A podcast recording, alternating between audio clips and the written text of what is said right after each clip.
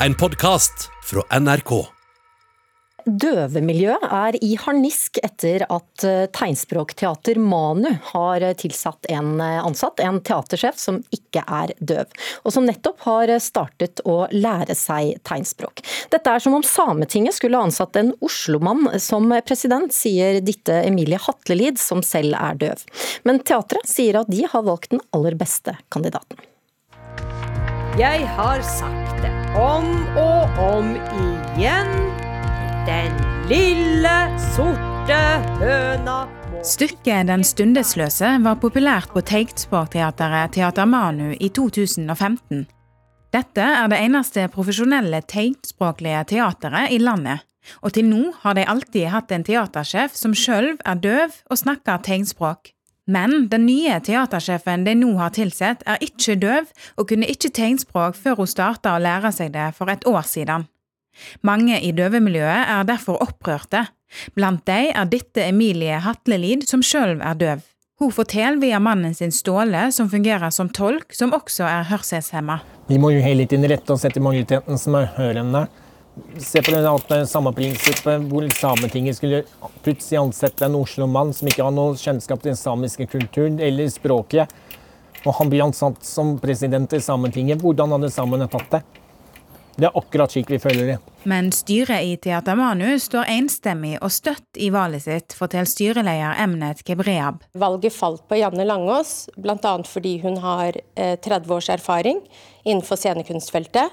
Eh, vi har stor tillit til at hun vil styrke Teater Manus posisjon som et tegnspråkteater innenfor scenekunstfeltet. Men også Norges døveforbund er skeptiske til at teateret har tilsatt en høyrende og ikke døv teatersjef, forteller forbundsleder Nils Kristensen via en tegnspråktolk. Døve og hørselshemmede, vi ser på oss som kultur- og språklig minoritet. Forskning viser at det tar 10-20 år til man blir kjent med språket og kan det ordentlig, og det har ikke den nye teatersjefen. Teater Manu er en kulturinstitusjon som er ganske stor og i miljøet vårt så føler vi at det blir eh, på en måte et angrep ved den tilsetningen der. Forskning har vist at folk kan lære et andrespråk på kortere tid, men folk er forskjellige. Det sier Thomas Blix, som er nestleder i teaterstyret via en tegnspråktolk. Og Janne begynte på tegnspråkkurs i fjor, og hun har hatt en enorm utvikling. Hun har fortsatt ni, ni måneder til hun skal begynne jobben sin. Men vi må også huske på at Janne ikke er den eneste som skal drive Teater Manu. Vi har valgt henne pga. hennes kvalifikasjoner. Og så har vi andre ansatte som har tegnspråkkompetansen og døvekompetansen. Sammen vil de stå og drive Teater Manu. Og påtroppende teatersjef sjøl, Janne Langås, gleder seg til oppgaven. Jeg har fått veldig mange lykkeønskninger også fra det tegnspråklige miljøet, så dette gleder jeg meg til.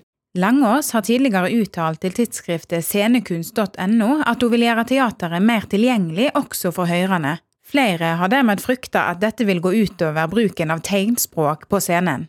Det avviser Langås. Det verserer en slags misforståelse eller feiltolkning som handler om scenespråket til Teater Manu.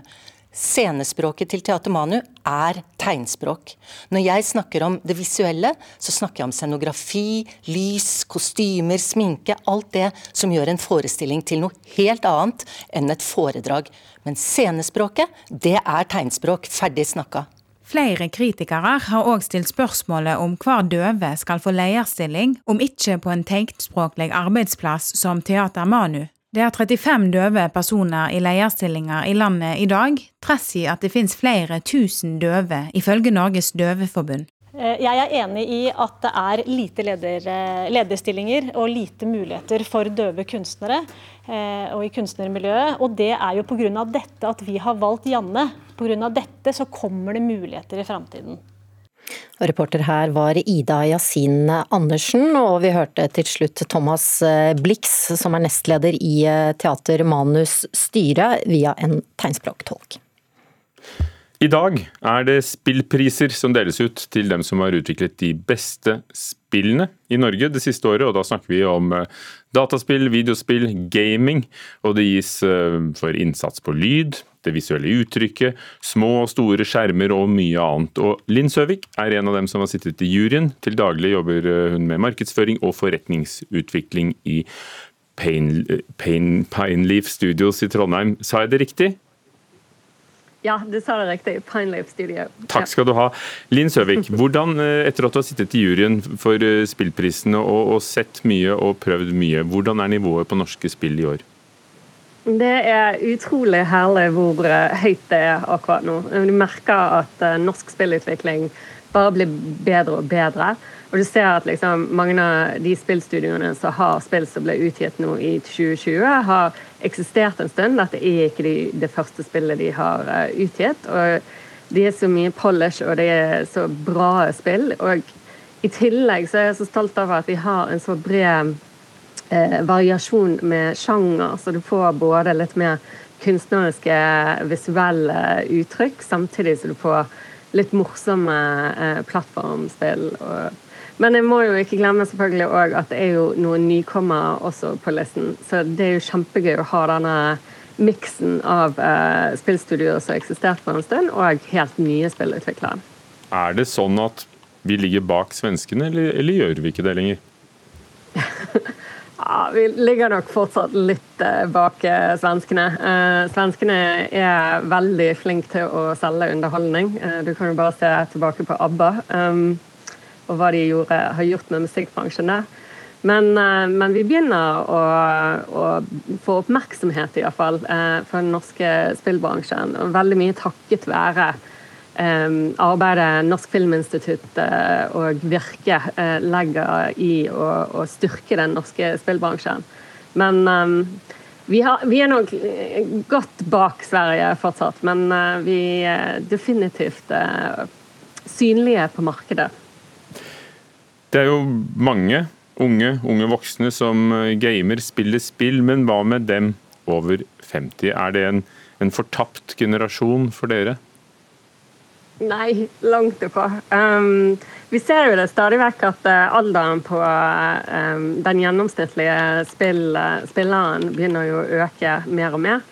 Um, og så ser du òg at det er flere som kanskje kommer til pensjonistalderen, som har begynt å, å, spille mer med sine barnebarn og spille seg imellom. Og det er noe gøy å gjøre på sammen. Og du merker det spesielt nå i eh, covid-tiden òg, at det, det, er gøy å, å, finne noe å gjøre sammen eh, mens du er sosial, fremfor bare å snakke foran en skjerm. Men um, Selvfølgelig er det flere spill som folk over 50 kan spille, og de er hjertelig velkommen til å gjøre det. Spillprisene deles altså ut i dag. Er, er noe av det offentlig? Kan du si noe allerede? Eh, ja, altså det går an å følge med selv fra klokken åtte i kveld eh, på kavalkaden.no. Og de nominerte er på den siden òg. Um, det er såpass mange spill at jeg ikke tør å begynne å nevne de. Um, Nei, og ingen, ingen vinnere ennå. Uh, Nei, det er det iallfall ikke. Og jeg, jeg, har ingen idé hvem som kommer til å vinne i dag. Jeg syns det er ganske tett på alle. Det kommer helt an på mye. Takk skal du ha. Linn Søvik, som altså er eh, daglig, eh, som daglig jobber i Pineleaf Studios i Trondheim og har sittet i juryen for årets spillpris. Tidligere i morges så snakket vi om at det kommer en ny animasjonsserie om eh, de gamle kjenningene Asterix og Obelix på Netflix i 2023. Og nå er det nok en animert klassiker som har avslørt at det kommer flere sesonger.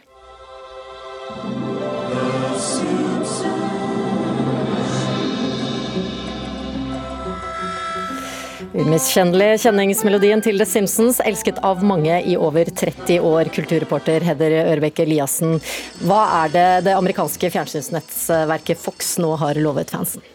Det alle bransjebladene skriver, er at de kommer med to nye sesonger. Og Det betyr at de kan ende opp med hele 757 episoder.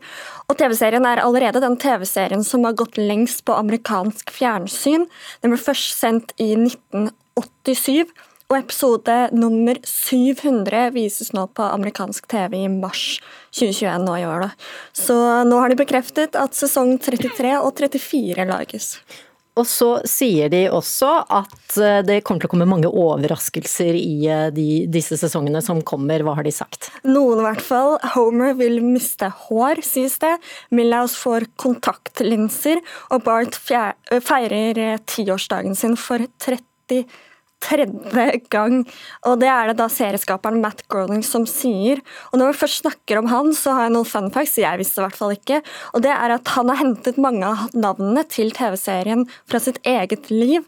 Foreldrene hans het Homer og Margaret, og hans yngre søster het Lisa, og den andre søsteren het Maggie. Så han har hentet mye fra sitt eget liv, og også mye fra hjembyen hans, Portland i Oregon.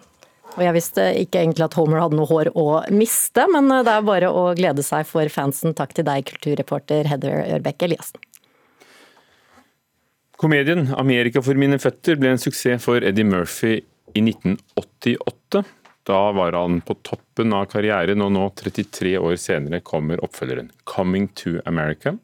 Og Den kommer til Amazons strømmetjeneste Prime Video. Vår filmkritiker Birger Vestmo har sett den, og mener vi bør utstyre oss med lave forventninger. Prepare the royal jet. We are going back to America. Oh, hell no, your majesty. Come on! I Coming to America byr Eddie Murphy på florlette kjærlighetsforviklinger med utdatert humor. Regissør Craig Brewer byr på mange hint, vink og repriser fra originalen, men gjør ikke stort mer enn å kopiere stilen og tematikken, bare med en lettere modernisert moral. Coming to America er oppfølgeren du visste at du ikke trengte, og passer best når du sitter lengst ned i sofaen og vil konsumere en film du kan bruke minimalt med krefter på, inkludert slipp å le. It is so good to see you. Well, be Damn, look who done come up in here. I den første filmen så vi hvordan prins Akim, spilt av Eddie Murphy, dro fra det afrikanske landet Samunda til New York for å finne ekte kjærlighet. Nå får han vite at leitinga for 30 år siden resulterte i en ukjent sønn, som dermed er Samundas rettmessige tronarving, og drar tilbake til Amerika med sin trofaste assistent Semmy, spilt av Arsenio Hall, for å finne han. Møtet med Lavelle, spilt av Jermaine Fowler, og hans fargerike mor Mary, spilt av Leslie Jones, skaper utfordringer, i hvert fall når Akim forstår at begge må bli med tilbake til Samunda for at Lavelle skal kunne forberede forberedes på sin kommende oppgave. Children, this is your brother. Hey, Quay. I'm sorry I slept with your man. This happened before we even met. It's not like you're the first man I've ever been with. I, haven't. did, what did you just say about the other man? Coming to America er full av hyggelige gjensyn, og det er gøy å se gamle størrelser som Eddie Murphy, Arsenio Hall, Wesley Snipes, James Earl Jones, Morgan Freeman og mange flere i en og samme film. Historien har dessverre verken bitende humor eller dramatisk tyngde. Hele filmen ser ut til å være laga med minste felles multiplum som største ambisjon. Her skal ingen krenkes, provoseres eller utfordres, men underholdes med flate figurer i en enkel historie, der forutsigbarhet er sjølve målet. Raise.